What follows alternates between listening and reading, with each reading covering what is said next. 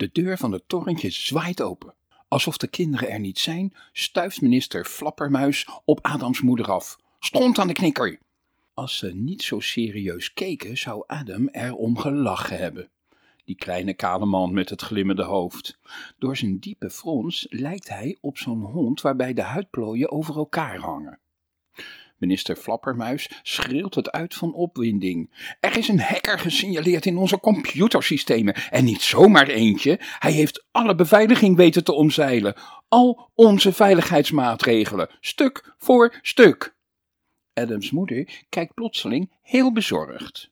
Ze slaat haar hand voor de mond. De beveiliging van de Tweede Kamer en de ministeries ook? We wachten op nog meer informatie van Binnenlandse Zaken, maar we weten wel dat de Binnenlandse Veiligheidsdienst getroffen is. En de politie. En, en, en het is nog erger dan dat. De rechtbanken en de scholen, het leger. Alle informatie die we hebben opgeslagen kan worden gestolen. De kinderen krimpen ineen.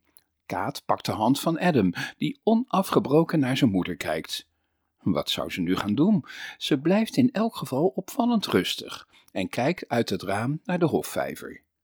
En het allerergste, Nadia, de hacker, heeft het hele internet platgelegd. Van alle mensen. Het is helemaal op zwart gegaan. We moeten als de Wiedeweerga een persconferentie geven. We moeten aan het land vertellen wat er aan de hand is.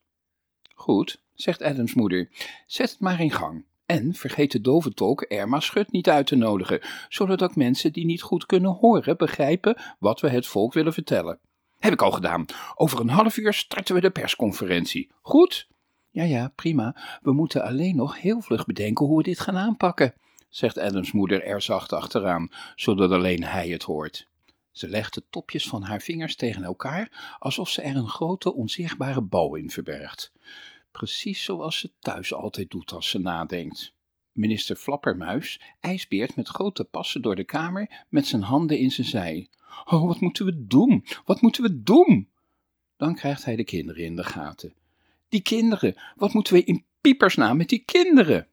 We nemen ze mee, Gert. Voor kinderen is internet ook ontzettend belangrijk.